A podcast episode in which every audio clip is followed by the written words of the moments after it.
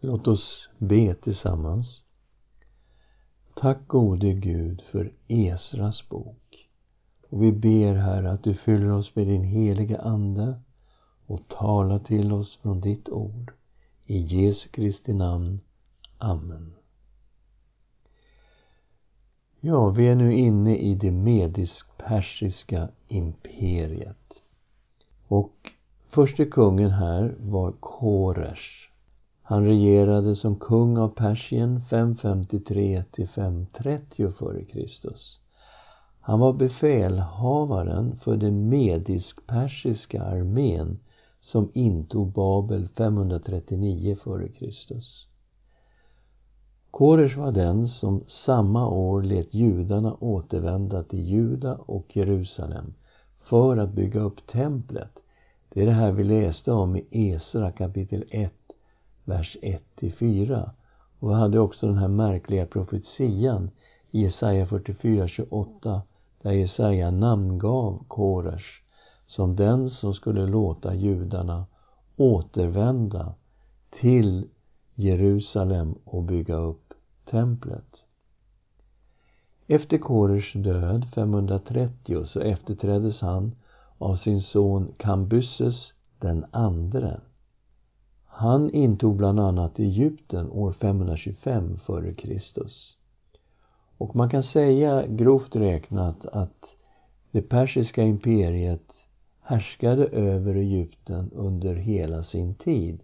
Det var visserligen perioder av uppror och de hade flera krig där.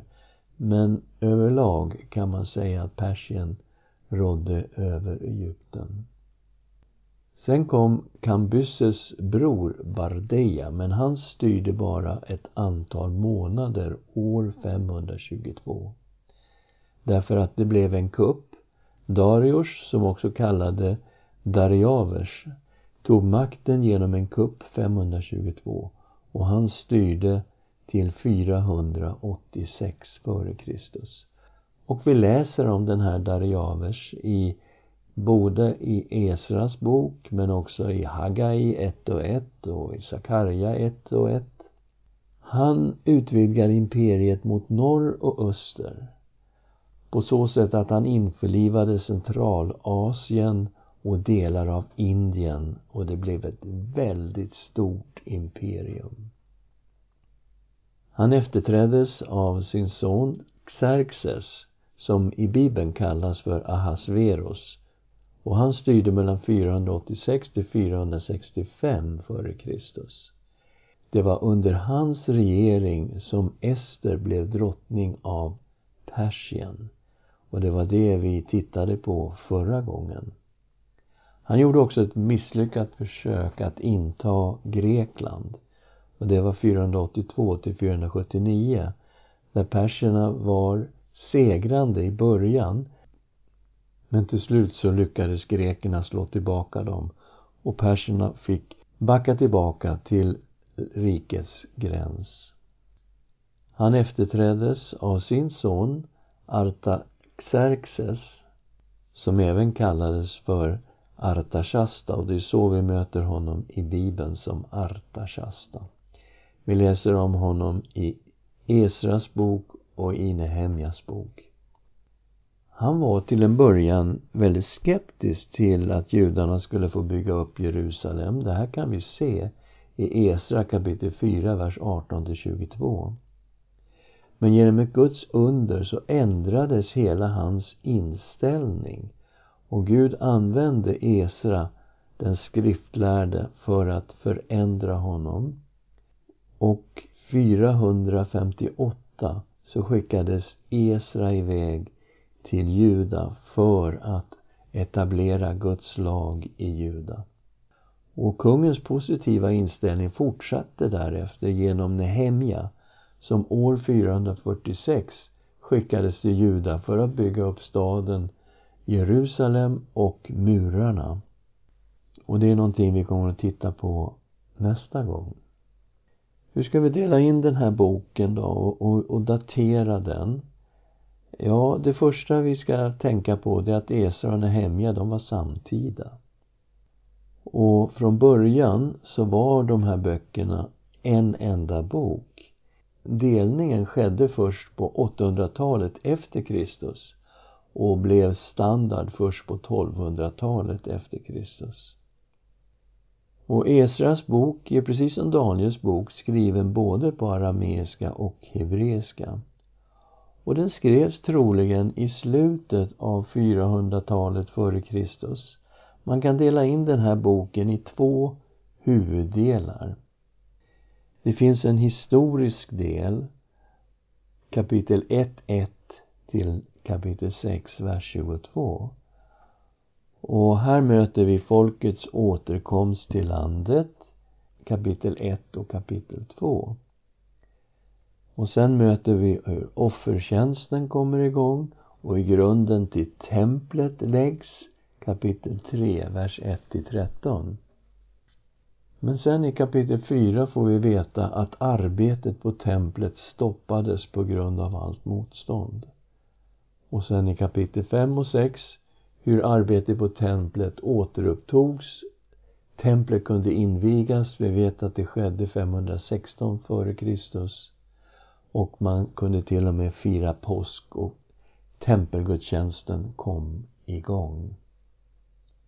Den andra halvan av boken den handlar om Esras egen närhistoria. Det är kapitel 7, 1 till 10.44 Och här får vi se hur Esra reste till Jerusalem, kapitel 7 och kapitel 8. Men vi får också möta problemen, folkets otrohet mot Herren, kapitel 9, 1 till 10, 44. Så Esra är troligen författaren till den här boken. Några anser att Esra även är författaren till Nehemjas bok, men den boken är ju mestadels skriven i jag-form och har kallats för en biografi. Och den delen av Nehemja går säkert tillbaka till Nehemja själv. Många rabbiner anser att Esra dessutom var författaren till krönikeböckerna. Han anses ha spelat en avgörande roll i samlandet och bevarandet av Gamla testamentets skrifter efter fångenskapen. Vad vet vi då om Esra? Ja, han kom från översteprästerlig släkt och han kallades skriftlärd i boken. Han hade funnit nåd inför kung Artashasta. I en skrivelse från 458 f.Kr. kunde man läsa att Esra, han hade fått uppdraget att resa till Juda för att etablera Mose lag i landet. Han skulle undervisa judarna i Guds lag och han skulle sätta upp domstolar som skulle döma efter både Mose lag och Persiens lag. Det här ser vi i den här skrivelsen. Vi läser kapitel 7, vers 25 och 26. Och du, Esra, ska efter den vishet du fått av Gud utse domare och lagkloka som ska skipa rätt bland allt folket i landet på andra sidan floden och alla de som känner din Guds lagar. Om någon inte känner dem ska ni lära honom dem. Den som inte följer din Guds lag och kungens lag ska omgående dömas, antingen till döden eller till förvisning, indragning av egendom eller fängelse. Så det är ju makalöst det här att Esra skickades av den persiska kungen Artashasta till Juda för att sätta upp domstolar och etablera Guds lag bland judarna. Och det här är ju inget mindre än ett under. Det har ju också Esra förstått att det här är någonting som Gud har gjort. Vi ser i hans lovprisning i kapitel 7, vers 27 och 28. Välsignad är Herren, våra fäders Gud, som ingav kungen i hjärtat att smycka Herrens hus i Jerusalem och låta mig finna nåd inför kungen och hans rådgivare och kungens alla mäktiga furstar. Herren min Guds hand var över mig. Så jag fattade mod och samlade en del av huvudmännen i Israel för att de skulle resa med mig. Temat för den här boken, ja det är just detta att Guds lag återupprättades och fick en ledande ställning bland judarna. Ska vi då titta på själva boken. Vi kommer till den historiska delen, de första sex kapitlen. Det första vi möter är folkets återkomst till landet. Året var 539 f.Kr. och det medispersiska riket hade intagit Babel. Darjavers, Mediens kung, var den som officiellt ledde riket. Men Koresh, Persiens kung, var befälhavaren som intagit Babel. Och det var kung Koresh som tillät judarna att återvända till sitt land för att återuppbygga templet i Jerusalem. Kapitel 1, vers 1 till 4. Detta hände i den persiske kungen Koresh första regeringsår. För att Herrens ord genom Jeremia skulle uppfyllas påverkade Herren den persiske kungen Kores sinne så att han över hela sitt rike lät kungöra både muntligt och skriftligt. Så säger Kores, kung av Persien, Herren, himlens Gud, har gett mig alla riken på jorden och han har befallt mig att bygga ett hus åt honom i Jerusalem i Juda. Den av er som tillhör hans folk ska bege sig upp till Jerusalem i Juda för att bygga upp Herrens, Israels Guds hus och hans Gud ska vara med honom. Han är den Gud som bor i Jerusalem. Alla som finns kvar på varje ort där de bor som främlingar ska få hjälp av folket på orten. De ska få silver, guld, gods och boskap utöver det som frivilligt ges till Guds hus i Jerusalem. Och det står här om en profetia ifrån Jeremia som skulle uppfyllas. Och vi läser en profetia från Jeremia i Jeremia kapitel 29, vers 10. För så säger Herren när 70 år har gått för Babel ska jag ta mig an er och uppfylla mitt löfte och föra er tillbaka till denna plats. Och den här profetian den uttalades första gången 605 före Kristus. Och det står här om 70 år i Babel och nu har vi kommit till 539 så det är inte riktigt 70 år. I själva verket kom de väl tillbaka 538, 537 så det är ju då en 67, 68 år efter profetian som de faktiskt kom tillbaka till landet. Och när de återvände så skickade kung Kores med dem alla tempelkärlen som Nebukadnessar hade fört till Babel år 586 när templet och Jerusalem förstördes. Det visade sig att runt 50 000 personer återvände till landet. Det innebär att de allra flesta judarna antingen inte kunde eller inte ville återvända. De som återvände de fick ju då mängder av silver och guld som gåvor. Och man kan undra lite varför man gav sådana här gåvor. Ja, troligen var de flesta gåvogivare judar, men även från andra folk. Säkert gavs gåvorna mot löfte om förbön till Israels Gud i Jerusalem. Alltså att när ni kommer dit, när ni bygger upp templet, när ni tillber Herren, kom ihåg och be för oss. Det är viktigt att påminna sig att judarna fortfarande betraktade sig själva som slavar under perserna. Man tänker, jaha, nu fick de återvända till sitt land. Ja, då var de inte längre slavar och så. De var ju fria. Men så var inte deras självförståelse. Så här läser vi i en bön från Esra 9 och 9.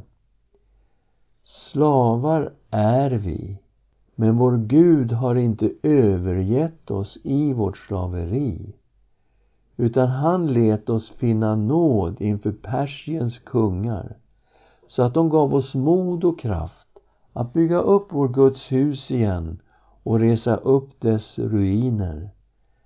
Och han har gett oss en skyddad plats i Juda och Jerusalem. De hade liksom bara flyttat inom samma land, inom det persiska imperiet. Och de såg på sig själva som om de fortfarande var slavar. Det här kan vi också se i Nehemja bok, i en bön som finns där, i kapitel 9, vers 36 och 37.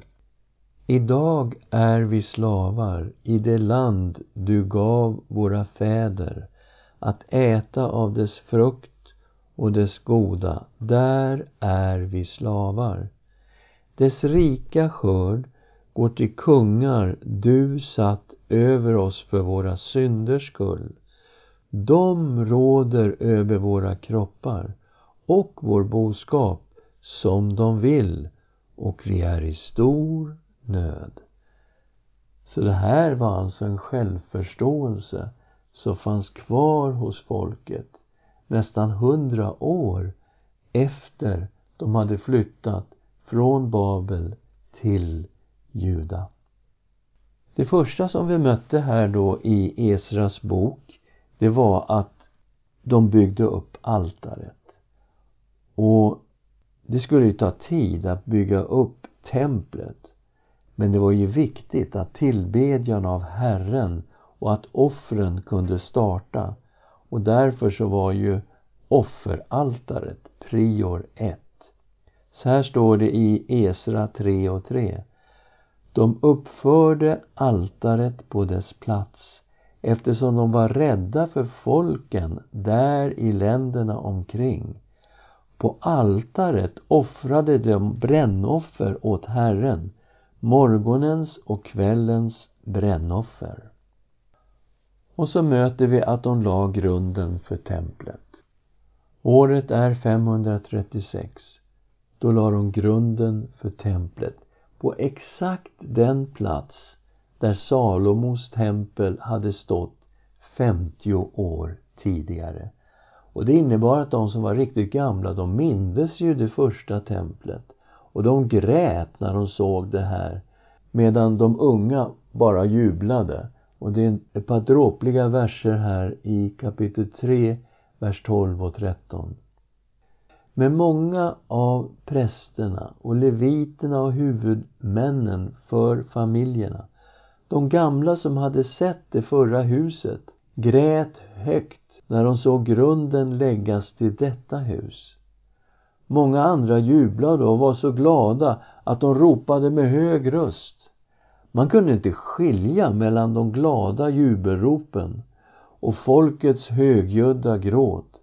För folket ropade så högt att ljudet hördes vida omkring. Men så stötte de på problem. I kapitel 4 får vi veta att arbetet på templet stoppades. Arbetet leddes av Surubabel. Han var judarnas ståthållare och han var av kunglig släkt, så han var av Davids släkt och han är också omnämnd i Jesus släkttavla i Matteus kapitel 1, vers 12. Och dessutom så leddes arbetet av Jeshua, eller Josua, som var översteprästerlig släkt. Så vi hade en överstepräst och vi hade en ståthållare. Den ena kom ifrån kunglig släkt, den andra från översteprästerlig släkt. Och båda de här personerna omnämns ju i både Haggais och Sakarias böcker. Det fanns folk i landet norr om Jerusalem. Det var folkslag som assyrierna hade tvångsförflyttat dit. Det här var någonting som vi läste om i Andra Konungaboken kapitel 17, vers 24. Kungen av Assyrien hämtade folk från Babel, Kuta, Ava, Hamat, Sefarvajim och lät dem bosätta sig i Samariens städer istället för Israels barn. De tog Samarien i besittning och bosatte sig i städerna där. Och i Esras bok får vi läsa senare att Assyriens kung Esarhaddon också hade förflyttat in folkslag i det norra riket, det som en gång var Israel. Och även Assenapar, en senare kung, hade också flyttat in folkslag. Och allt det här hade då blandats och det hade blivit till samarierna. Det är de här blandfolken som sen blev samarierna på Jesu tid. De tillbad Jahve, men de tillbad också sina egna gudar. Och nu ville de vara med i tempelbygget, men judarna sa blankt nej. Det blev sådana motsättningar att hela tempelbygget stannade av ända till Darjavers regering och han tillträdde då 522. Så man hade lagt grunden 536, man hade börjat bygga och sen stannade allt av. Och i verkligheten låg hela tempelbygget nere ända till år 520. Men Esra nämner också att det här motståndet det fortsatte senare efter att templet var byggt. Först hänvisar han till en skrivelse under Ahasveros tid, han som gifte sig med Ester. Men det står inte vad den här skrivelsen innehöll. Men det står om en annan skrivelse som kom i början av Artashastas regering. Han som blev kung 465 f.Kr. Och den här skrivelsen, den innebar ju att kungen faktiskt förbjöd allt byggnadsarbete i Jerusalem. Och det måste ju ha kommit när Artashasta var ny som kung runt 465 f.Kr. Eftersom samma kung var ju den som stödde Esra att resa till Jerusalem för att etablera Guds lag ett antal år senare. Men när vi kommer in i det femte kapitlet så får vi läsa att arbetet för templet återupptogs. Det var de här profeterna Hagai och Sakarja. Vi ska läsa Esra kapitel 5, vers 1 och 2.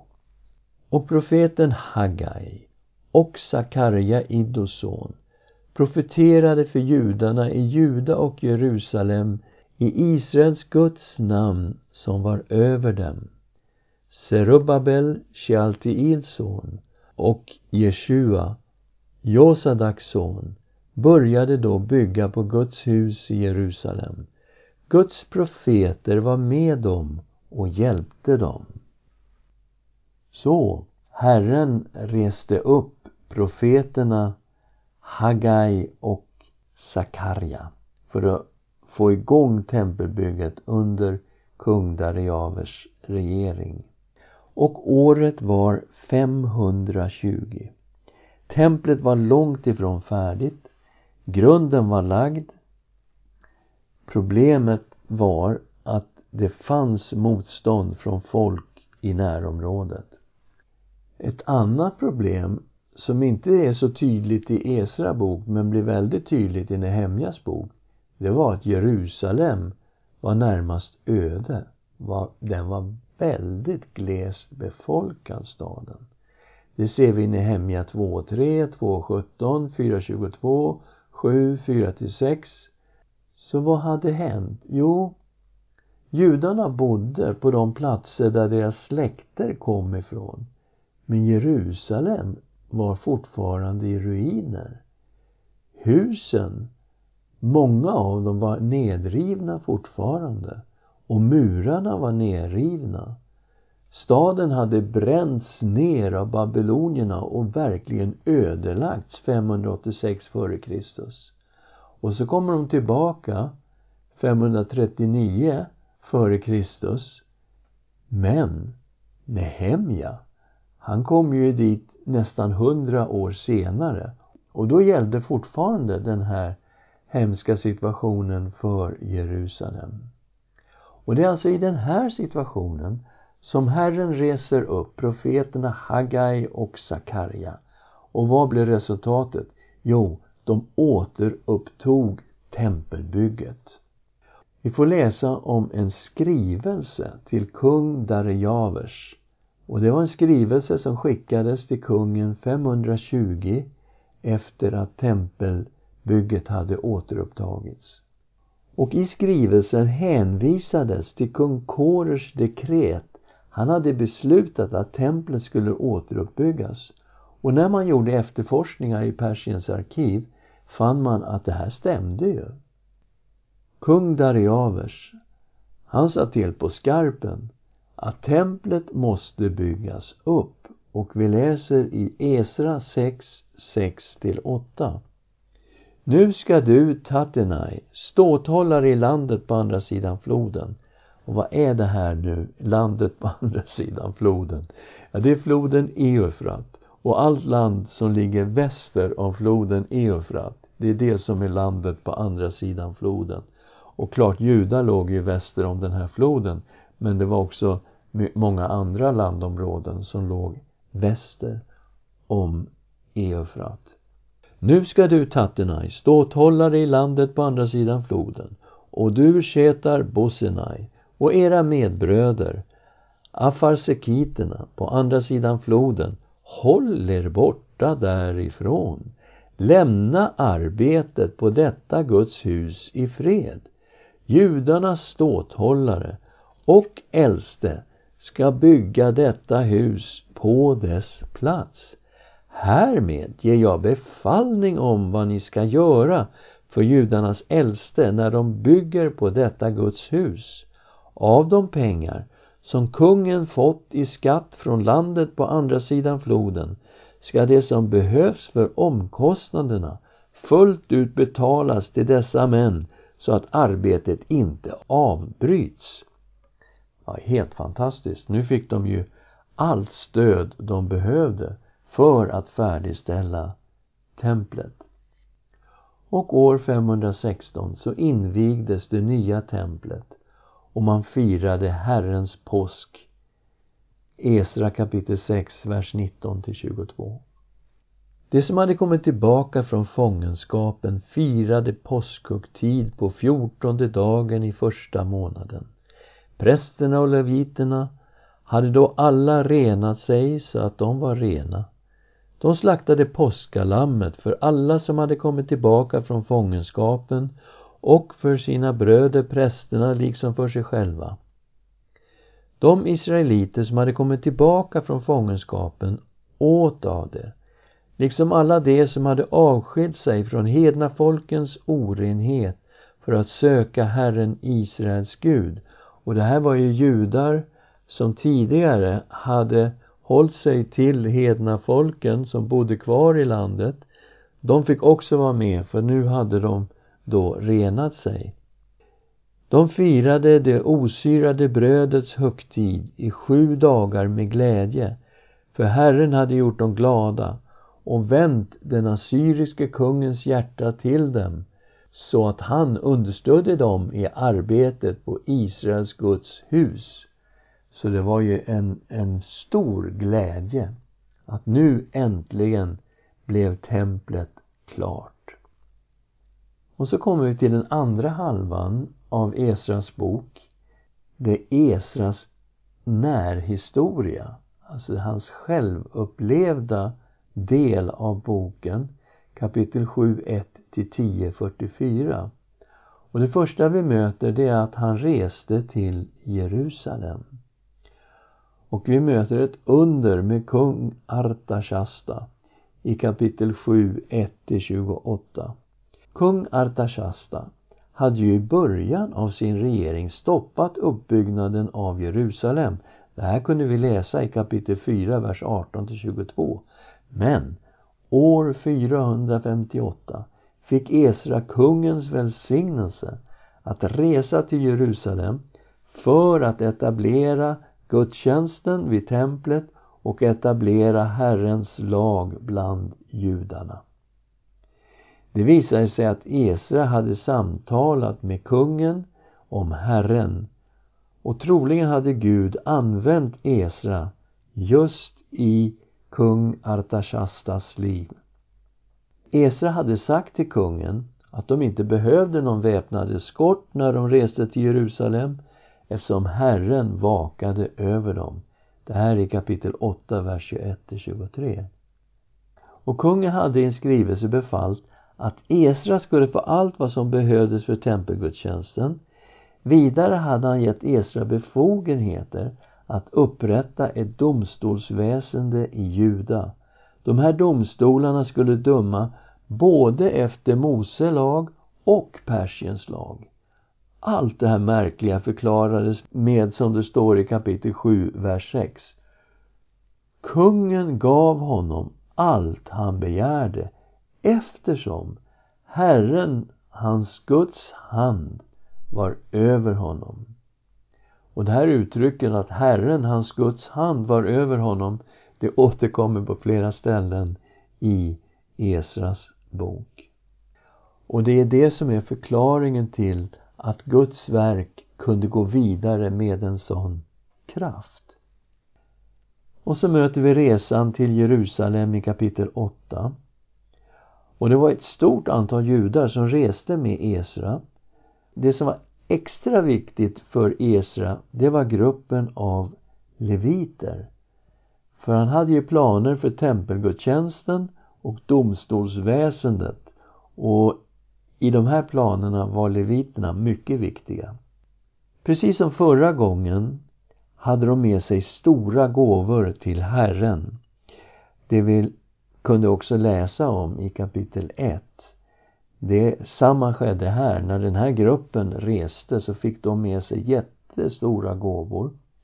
Och Esra vägde upp allt silver och guld och fördelade alla de här gåvorna på tolv olika prästfamiljer.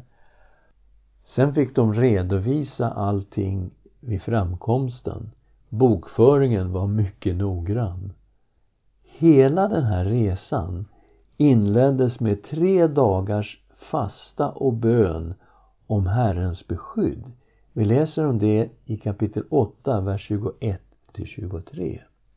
Vid floden Ahava utlyste jag en fasta för att vi skulle ödmjuka oss inför vår Gud och be honom om en lyckosam resa för oss, våra kvinnor och barn och alla våra ägodelar.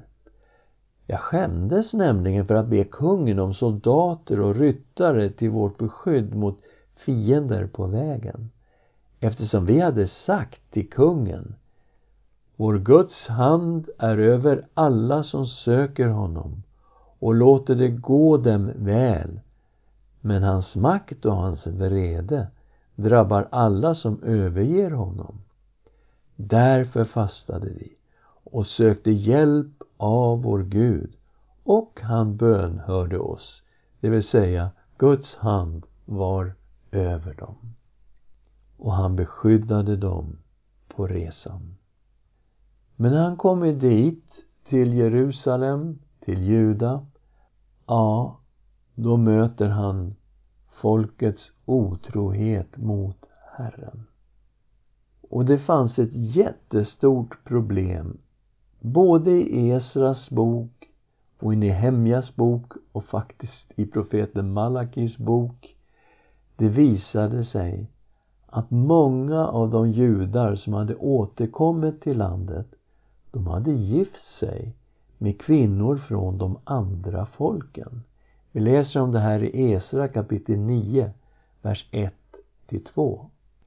När detta var fullbordat kom några av förstarna fram till mig och sa Varken Israels folk eller prästerna eller leviterna har hållit sig avskilda från de främmande folken och deras avskyvärda handlingar från kananéerna, hetiterna, periseerna, jebusiterna, ammoniterna, moabiterna, egyptierna, amoreerna. De har tagit hustrur åt sig och åt sina söner bland deras döttrar. Och det heliga släktet har blandat sig med de främmande folken. Förstarna och föreståndarna var de första att begå sådan otrohet. Okej, okay, de hade gift sig med kvinnor från de andra folken. Och vad var det för problem med detta? Ja, det var just det här som var en huvudorsak till att Israels folk tillbad folkens avgudar under hela sin historia fram till fångenskapen i Assyrien och fångenskapen i Babel. Och Gud hade ju varnat för det här redan i Mose lag i femte Mosebok kapitel 7, vers 3 och 4. Du ska inte ingå äktenskap med dem. Du ska inte ge dina döttrar åt deras söner och inte ta deras döttrar åt dina söner. För de kommer då att leda dina söner bort från mig till att tjäna andra gudar. Och Herrens vrede ska då upptändas mot er och han ska snabbt förgöra dig. Och när de kom in i landet och vi kommer in i domartiden så ser vi just det här. Domarboken kapitel 3, vers 5 och 6. Så bodde Israels barn bland kananéerna, hetiterna, amoreerna, periseerna, hivéerna, jebusiterna och de tog deras döttrar till hustrur och gav sina döttrar åt deras söner och tjänade deras gudar. Så det är alltså det här som ligger i botten. Israel var på väg att begå samma misstag som man hade begått tidigare som hade resulterat i avguderi och att det norra riket fördes iväg i fångenskap till Assyrien och det södra riket, Juda, fördes iväg i fångenskap till Babel. Esra, han blev djupt bedrövad över situationen. Han rev sönder sina kläder och satt länge tyst inför Herren. Till slut öppnade han sin mun och Esra ropade till Herren och när han gjorde det så bekände han folkets synd. Och han höll på länge och bekände folkets synd. Ett antal ledande judar förstod allvaret i Esras bön och i hela situationen. De föreslog att de skulle sluta ett förbund inför Herren. Man gav en ed på att alla blandäktenskap med kvinnor från andra folk skulle upplösas. Trots det tragiska i hela den här händelsen kan vi utgå ifrån att Israel räddades från en ny era av avguderi genom Esra den skriftlärde. Vi ska göra en reflektion kring den här boken. När man sätter sig in i situationen så inser man hur skört och svagt allting var. De hade visserligen befriats från fångenskapen men de uppfattade fortfarande sig själva som slavar i det persiska imperiet. Jerusalem låg delvis i ruiner nästan hundra år efter återkomsten till landet. Herrens lösning var att resa upp profeterna Hagai och Sakarja för att färdigställa templet. När folket hotades av förintelse använde Gud drottning Ester och Mordokaj. När det andliga livet i Juda var på väg att vittra sönder reste han upp Esra för att återinföra Guds lags särställning i landet. Han reste upp Nehemja för att återuppbygga och befolka Jerusalem, reformera samhället och se till att tempeltjänsten kunde fungera enligt Guds lag. Utan Guds ord hade inte judarna klarat av att följa Herren. Vi har samma situation bland oss kristna i Sverige idag. Låt oss be tillsammans. Tack gode Gud för ditt ord. Tack att du såg situationen i landet. De hade visserligen kommit tillbaka. De hade visserligen börjat med altaret och lägga tempelgrunden. Men så stötte de på massor med problem. Tack Herre att du reste upp profeterna Hagai och Sakarja. Tack Herre att du reste upp Ester och Mordokaj. Tack att du reste upp Esra och Nehemja. Och ditt verk gick vidare. Och vi såg hur viktigt det var att ditt ord fick fäste i folkets hjärtan. Gode Gud, vi ser att det är samma sak idag.